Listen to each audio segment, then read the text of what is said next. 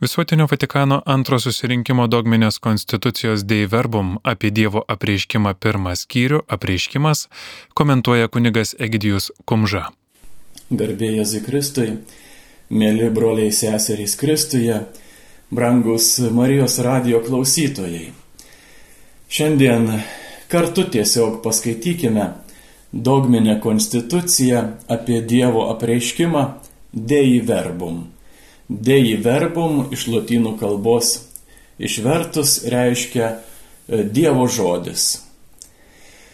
Iš karto perspėju, kad skaityti dogminę konstituciją Dei verbum nėra lengva, kadangi kiekvienas sakinys yra ilgas, e, koncentruotas, pilnas įvairiausių citatų, todėl jeigu mes paimtume ir norėtume paskaityti tiesiog kaip romaną e, nepavyktų, kadangi nesuprastume netgi, ką skaitome. E, reikėtų skaityti iš tikrųjų lietai, po nedaug skirelių ir būtinai apmastant. Tai gal tiesiog kartu ir leiskime į šitą kelionę. Paskaitysime šiandien pirmą skyrių, kuris yra įvardyjamas apreiškimas. E, Dievas žmogui apsireiškia per žodį, o tas žodis yra Kristus. Jeigu atsiverstume e, Evangeliją pagal Joną, tai pačiam pirmam skyriuje pradėtume skaityti pirmą sakinį. Pradžioje buvo žodis.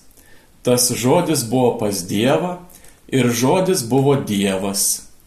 Tas žodis tapo kūnu ir gyveno tarp mūsų.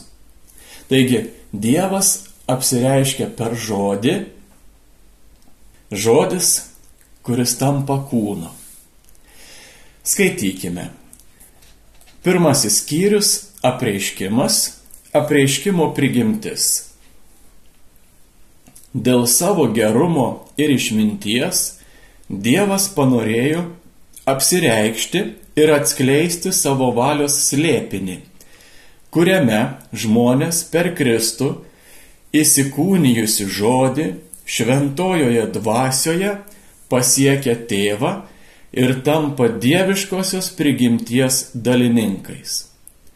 Todėl apsireikšdamas neregimasis Dievas iš didžios meilės prabyla žmonėms kaip draugams ir su jais kalbasi, norėdamas juos pakviesti ir priimti į savo bendrystę.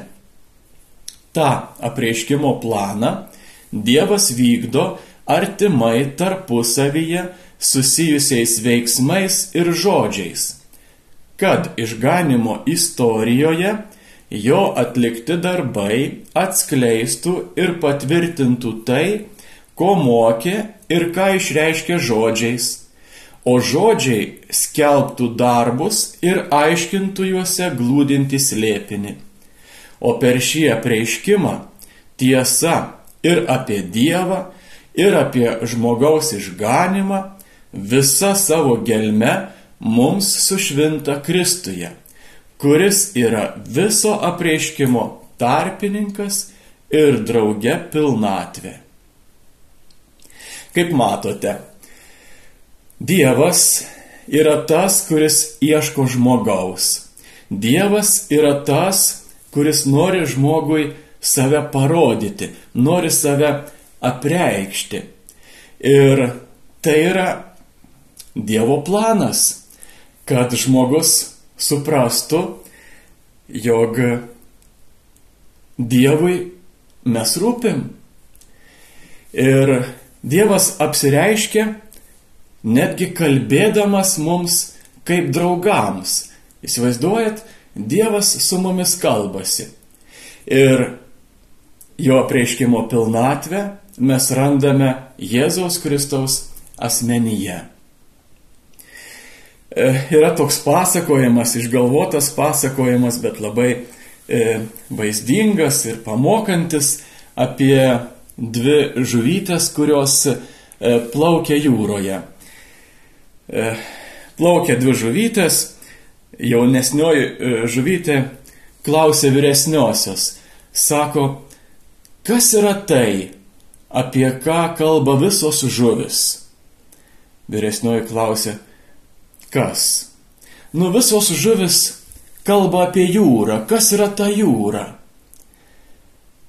Vyresnioji ir sako, taigi va, mes ir esame jūroje, mes joje gyvename, mes joje judame, mes joje plaukiame, mes joje maitinamės. Čia ir yra jūra, šitas mūsų pasaulis yra jūra. O jaunesnioji žuvelė, nu kad nesąmonė, juk čia ne jūra, kokia čia jūra, čia tiesiog surus vanduo. Kaip pažiūrėsime? gali būti jūra, o gali būti tik tai surus vanduo. Taigi, su apreiškimu irgi tas pats yra. Dievas mums apsireiškia, e, mums duoda žinoti apie save, mums duoda žinoti apie mus pačius, kas tas yra žmogus, kas yra žmogaus tikslas, e, kas yra Dievas, bet priklausys nuo to, kaip mes sugebėsime visą tai priimti. Ar mes suprasime, kad šitame pasaulyje, kaip tos žuvelės, jau ir esame Dievuje, kad šitas pasaulis yra Dievo tvarka, e, kad tiesiog mes čia judame, esame, būname, gyvename. Ir tai yra Dievo priekšta tiesa, kuri Savo pilnatvę kartoju, pasiekia Jėzaus Kristaus asmenyje. Bet Dievas žmogų prie to veda mažai žingsneliais, palaipsniui. Taigi, skaitykime toliau. Kelias į Evangelijos apreiškimą. Visa žodžiu kurias ir palaikas Dievas be perstojo žmonėms liudyja apie save savo kūriniais ir norėdamas atverti jiems kelią į dangiškąjį išganimą, pradžioje net ir pats apsireiškė pirmiesiems tėvams. Jiems nupuolus, jis sužadino išganimo viltį, pažadėdamas atpirkimą. Jis ir toliau be paliovos rūpinosi žmonių giminę, kad visiems, kurie ištvermingai darydami gerą, siekia išganimo, suteiktų amžinai gyvenimą. Kadaise jis pašaukė Abraomą, kad iš jo kiltų didi tauta, kurią po patriarchų Mozės ir pranašų pastangomis mokė pažinti save, vienintelį, gyvąjį ir tikrąjį Dievą, rūpestingą tėvą ir teisingą teisėją mokė laukti pažadėtojo atpirkėjo. Taip, amžiams lenkant, jis parengė kelią Evangelijai. Taigi, Dievas mums save apreiškia ir per kūrinius, per kūrinyje. Juk žmogus mąstanti būtybė, matydamas, kas jį supa, koks pasaulis jį supa, iškelia tuos egzistencinius klausimus. Iš kur atsirado? Kaip atsirado? Kodėl šitokia kūrinyje? Kodėl aš? Kodėl žmogus? Koks viso tai tikslas? Taigi, per visus tuos dalykus Dievas jau kalba žmogui. Bet, kaip matome, Dievas nori, kad žmogus būtų laimingas ir būtų amžinai laimingas kartu su Dievu. Taigi, viešpats kalbina žmogų ir kitais būdais. Kalbina ne tik tai per kūrinyje, bet štai kalbina per patriarchus, per pranašus, per mozę ir galiausiai prakalba per Evangeliją tai yra gerąją naujieną, tai yra per vienintelį savo sūnų, tai yra žodį, buvusi prieš visus amžius, Jėzų Kristų. Skaitykime toliau. Kristus apreiškimo pilnatvė. Dievas daug kartų ir įvairiais būdais kalbėjęs pranašų lūpomis, dabar dienų pabaigoje prabilo į mus per sūnų. Jis pasintė savo sūnų, amžiną į žodį, apšviečianti visus žmonės, tarp jų gyventi ir atskleisti jiems Dievo gelmes. Taigi, Jėzus Kristus, kūnų tapęs žodis, pasiustas kaip žmogus pas žmonės, kalba Dievo žodžius ir atlieka išganimo darbą, kurį jam pavedė tėvas. Kas jį mato, mato ir tėvą. Pačiu savo buvimu ir pasirodymu, žodžiais ir darbais, ženklais ir stebuklais, ypač mirtimi ir garbingų prisikelimu iš numirusių ir pagaliau šventosios dvasios atsintimu, jis galutinai baigia apreiškimą ir dieviškų liudijimų patvirtina, jog Dievas iš ties yra su mumis, kad išvaduotų mus iš nuodėmės bei mirties tamsybių ir prikeltų amžinajam gyvenimui. Krikščioniškoji išganimo tvarka, kaip naujas ir galutinis testamentas, jau niekada nenustos galiojas. Todėl nelauktina jokio naujo viešo apreiškimo, iki garbingai pasirodys mūsų viešpats Jėzus Kristus. Pamastykime. Kristus yra apreiškimo pilnatvė. Taigi, galutinai ir pilnai visapusiškai Jėzaus Kristaus asmenyje Dievas parodo save žmogui. Ir jeigu mes dar norėtume kažkokių kitokių ženklų, jų nebus. Kadangi daugiau negu Jėzus Kristus, nu nieko nebegali būti. Jėzaus Kristaus gimimas, jo gyvenimas, jo kančia ant kryžiaus, mirtis, prisikėlimas, įžengimas į dangų ir šventosios dvasios atsintimas, tai ir yra pilna Dievo apraiška žmogui. Žinoma, tie dalykai e, nėra taip jau lengvai suvokiami ir suprantami. Tai yra tikėjimo slėpinys. Būtent apreiškimas, pilnas apreiškimas Jėzaus Kristaus asmenyje vis tik tai su slėpinio šydu. Kodėl? Todėl, kad žmogus negali, negali į savo ribotą protą, į savo ribotą širdį sutalpinti e, visos Dievo galybės, visos Dievo begalybės, viso to absoliuto. Juk mes esam tik tai kūriniai.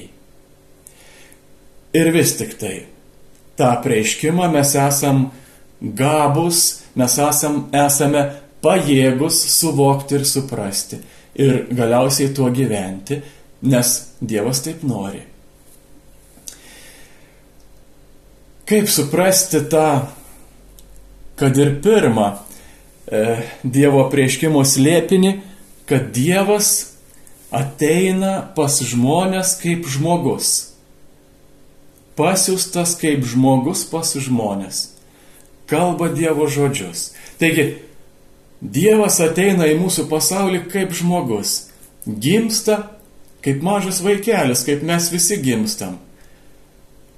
Kaip įmanoma suvokti tokį dalyką, kad Dievas pasidaro kūriniu, pasidaro žmogumi. Sunku suvokti, bet pamastykime ir apie tai. Ir vėl pasakojimas, kaip gyveno tikrai geras žmogus, e, santūrus, gražiai bendravo su savo šeima, sąžiningai elgėsi su kitais žmonėmis, tačiau jis nesimeldė. E, jo šeima eidavo į bažnyčią, o jis likdavo namie. Jis negalėjo suprasti, Kalėdų stebuklo. Jis negalėjo suprasti, kaip Dievas gali gimti žmogumi. Jam tai buvo pasakos. Ir štai, apie Kalėdų stebuklą. Kūčių vakarą jo šeima išeina į bažnyčią, jis kaip visada lieka namie ir laukia savo šeimos sugrįžtant, kad paskui galėtų pavakarieniauti. Jam belaukiant namuose pasigirsta e, dundesys į langą. Paskui antras, paskui trečias, paskui dar. Ir jis pagalvojo, gal kažkas išdikauja, gal kažkas sniego gniuštės mėto į langą. Taigi, praskleidžia užuolaidą ir mato, kad laukia labai labai didelė puga, labai didelis vėjas, tiesiog sukūriai neša sniegą ir paukščiukai. Paukščiukai patekia į sukūrį, atsimuša į langą, e, šalą. E, tam žmogui pagaila paukščiukų ir jis nutarė greitai nubėgti, atidaryti savo klėties duris ir kad ten paukščiukai galėtų įskristi, sušilti ir taip nepražūtų. Jis taip ir padaro, greitai apsirengia, nubėga, atidaro klėtį bet paukščiukai į jį nereaguoja. Tada jis sugalvoja, kad gal reikia paberti greitai trupinių, duonos trupinių ant sniego, kad jie matytų, kur, kur tie trupiniai nuves, kad jie suskristų visi į klėtį. Ir tai negelbėja, paukščiukai to nemato. Tada jis klėtyje uždega šviesą ir ima mojuoti, bet mato, kad tik tai blogiau padarė, kad tie paukščiukai tiesiog jo išsigando ir ne vienas į tą klėtį neskrenda. Ir jis galvoja, kaip aš galėčiau išgelbėti tuos paukščiukus. Ir jam šovė keista mintis. Jei tik galėčiau kelioms minutėms pavirsti paukščiu, gal pavyktų juos kaip nors išgelbėti, aš jų kalbą galėčiau prakalbėti. Ir žinot, kai jis tai pagalvojo, tą akimirką sugaudė bažnyčios varpai. Kurį laiką vyras tyliai stovėjo, klausydamas jų skambesiu paskui parpuolė ant kelių sniegą. Jis tada suprato. Suprato, ką Dievas norėjo padaryti. Dievas norėjo prakalbinti žmogų jo paties kalba, kad žmogus būtų laimingas, kad žmogus būtų išgelbėtas, kad žmogus būtų išganytas. Taigi, jeigu ir žmogui kartais kyla tokių minčių, tai Ką ten jau bekalbėti apie Dievą? Juk Dievas yra absoliuti meilė. Ir Dievas žmogų sukūrė iš meilės. Ir štai, kad Dievas būtų tikrai tas tėvas, kurį mums yra preiškę Jėzus Kristus, jis žmogų prakalbina paties žmogaus kalba. Skaitykime toliau. Apreiškimas priimtinas tikėjimu. Apreiškiančiam Dievui privalomas tikėjimo klusnumas, kuriuo žmogus laisvai atiduoda visą save, protu ir valia visiškai paklusdamas atsiskleidžiančiam Dievui ir noromis pritardamas jo apreiškimui. Šitokiam tikėjimui reikia pirmiau ateinančios ir padedančios Dievo malonės bei šventosios dvasios vidinės pagalbos. Toji dvasia paveikia širdį ir palenkia ją į Dievą, atveria dvasios akis ir teikia malonumą kiekvienam pritarti tiesai ir ją tikėti. Kad apreiškimas būtų vis giliau suprantamas, ta pati šventoji dvasia nuolat tobulina tikėjimą savo dovanomis. Taigi ir vėl pamastykim. Šitą Dievo apsireiškimą žmogui, e, Dievas, kuris kalbina žmogų jo paties kalba, taigi ateidamas kaip žmogus pas žmonės, šitą apsireiškimą mes galim priimti tik tai tikėjimu. Reiškia, kad suprasti Dievo kalbinimą mes turim tikėti. Labai gražiai šventoji motina Teresė yra pasakiusi, žmogus, kuris meldžiasi, tiki. Tas, kuris tiki, myli. Tas, kuris myli, moka aukotis. Kuris moka aukotis, yra laimingas. Ir matot, šventoji motina Teresė pradeda šitaip. Žmogus, kuris meldžiasi, tiki. Mes kartais galvojam atvirkščiai. Mes galvojam, kad jeigu norim melstis, prieš tai reikalingas tikėjimas. O motina Teresė šventoji sako ne. Melskis ir pamatysi, kaip pradėsi tikėti. Taigi, jeigu mes norim tikėti, brangieji, melskimės. Juk, jeigu norim pažinti žmogų, mes su juo irgi e, turim praleisti laiko. Mes su juo turim kalbėtis. Taigi, besikalbėdami mes galim pažinti žmogų. Lygiai tas pats ir su Dievu. Malda tai yra pokalbis. Ir besimelsdami mes pažinsime Dievą. Dievas per maldą mums save parodys. Dievas per maldą mums duos tikėjimą. Reikia pasinerti į tikėjimą. Reikia tiesiog atsiduoti Dievo valiai. Taip ir rašo, kad jeigu žmogus nori priimti Dievo prieiškimą, jis turi atsiduoti šventai dvasiai. Tai irgi yra Dievo malonė. Šventoji dvasia pats Dievas reiškia, neša žmogaus širdį į apreiškimą, į suvokimą, į tos tiesos prieimimą ir pamilimą. Ir vėl atsitikimas, kad būtų geriau suprasti, kad galėtume geriau įsivaizduoti ir suvokti. Vienoje šeimoje atsitiko nelaimė, užsidegė jų namai. Tai vyko jiems bemiegant, bet tėvelis pajuto, kad įvykusi nelaimė, atsibudo, pažadino visą šeimą, žmoną, dvi mergytės, berniuką. Ima visi vienas kitą už rankų ir bėga lauk.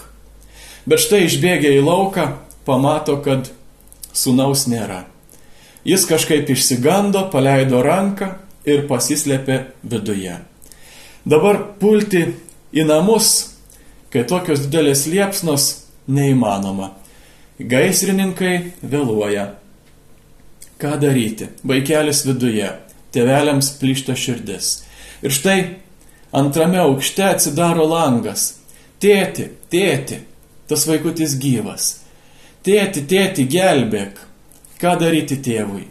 Tėvas pripuola prie, prie namo ir sako, vaikeli šok. O tas vaikelis sako, tėti, aš tavęs nematau. Visur dūmai, visur liepsna, aš tavęs nematau. O tėtis sako, pasitikėk manim, šok, aš tave matau. Štai vaikelis nieko nematydamas šoka per langą ir atsiduria tėvo glebyje. Dievas yra tas, kuris žmogaus ieško. Mes gal irgi kaip tas vaikutis kartais sakom, Dieve, bet aš tavęs nematau. Aš nežinau, kokia kryptim man eiti, aš nežinau, ką man daryti. Aš galbūt pasimetęs esu šitame gyvenime. Galbūt pamečiau savo gyvenimo tikslą nežinau kur linkėti. O Dievas, kaip tas tėtis vaikučiai sako, šok, pasitikėk manim, aš tave matau, aš tave prakalbinsiu, aš tau duosiu gyvenimą, aš tau duosiu amžiną gyvenimą. Taigi, šokim, šventosios dvasios vedami, šokime tikėjimą, šokime į maldą. Kažkada teko skaityti tokią iš tikrųjų labai šventą mintį. Jeigu mes adoruotume Jėzų Kristų esantį Euharistijoje, tai mūsų sielos niekada neatšaltų. Mes tikrai turėtume gyvą ir tikrą tikėjimą. Ir vėl čia turbūt galima suvesti su šventosios motinos Teresės mintimi, kad melskis ir tikėsi. O čia būtų adoruok, būk šalia Jėzaus ir pamatysi, kaip tavo gyvenimas įgaus naują prasme. Šok. Šok su tikėjimu į Dievo glėbi ir būsi laimingas. Skaitykime toliau. Paskutinė pastraipa - apreiškimas ir prigimtas Dievo pažinimas. Dievišku apreiškimu Dievas norėjo atskleisti save ir tai, kas jo amžinai nuspręsta apie žmonių išganimą, siekdamas pasidalyti dieviškais turtais, kurie pranoksta bet kokį žmogaus supratimą. Šventasis sinodas išpažįsta, kad Dievą visų dalykų pradžią ir tikslą tikrai galima pažinti prigimta žmogaus proto šviesa iš kūrinių. Taip pat moko, kad jo apreiškimui reikia priskirti tai, kad tas tiesas apie Dievą, kurios iš esmės žmogaus protui nėra neprieinamos, net dabartinėme žmonijos būvyje, visi gali nekliudomai su tvirtu įsitikinimu ir be jokios klaidos pažinti. Taigi, žmogaus protas yra taip Dievo jau sukurtas, kad ir iš kūrinių gali pažinti Dievą.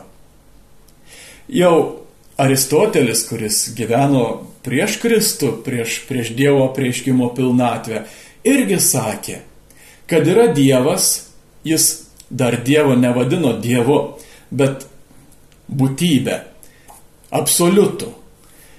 Kad yra Dievas, kad yra absoliutas, sako, žinau iš žvaigždžių. Tiesiog žiūrėdamas naktį į dangų, pilną žvaigždžių suprantu, kad ta darna pati iš savęs neatsirado.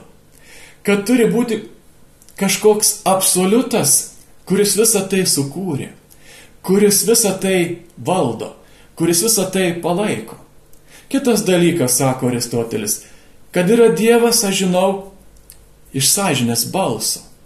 Juk žiūrėkite, iš tikrųjų, maži vaikučiai Dar jiems niekas nėra kalbėjęs apie Dievą, dar jiems niekas nėra kalbėjęs apie dešimt Dievo įsakymų, bet kai kažką padaro negerai, jie supranta, jie žino, iš kur, nes jų širdelėje yra sąžinė, ta sąžinė kalba ir tas sąžinės balsas yra Dievo balsas. Taigi, iš kūrinijos žmogui jo protui leidžiama pažinti Dievą. Ir vis tik tai. Visa tiesa apie Dievą išsipildo Dievo žodyje. Žodyje, kuris yra tapęs kūnu. Ir tas tapęs kūnu žodis yra Jėzus Kristus. Tai yra Dievo veidas atskleistas žmogui. Brangieji, perskaitėme pirmą skyrių iš dogminės konstitucijos apie Dievo prieškimą, tai yra Dei verbum, ir truputėlį pamastėm. Siūlyčiau, raginčiau tiesiog dabar, būnant namuose, randant laiko, patiems pasimti tą tekstą į rankas ir paskaityti. Kaip ir sakiau pradžioje, nėra lengvas tekstas, yra pilnas citatų, sakiniai yra labai ilgi, todėl labai lengva yra pasimesti. Ir gera yra turėti tiesiog rankose šitą tekstą ir lietai skaityti. O šitą mūsų pasibuvimą, šitą mūsų paskaitimą Tiesiog noriu pabaigti trumpą maldelę. Dieve, būk mano galvoje ir mano supratime. Dieve, būk mano akise ir mano žvilgsnyje. Dieve, būk mano burnoje ir mano kalboje. Dieve, būk mano širdyje ir mano galvojime. Dieve, būk mano pabaigoje ir mano iškeliavime. Ačiū tau Dieve, kad ieškai žmogaus, ačiū tau Dieve, kad mane sukūrei ir save man apreiškiai. Amen. Garbė Jėzui Kristui. Visuotinio Vatikano antro susirinkimo dogminės konstitucijos Dei Verbum apie Dievo apreiškimą pirmą skyrių apreiškimas komentavo kunigas Egidijus Kumža.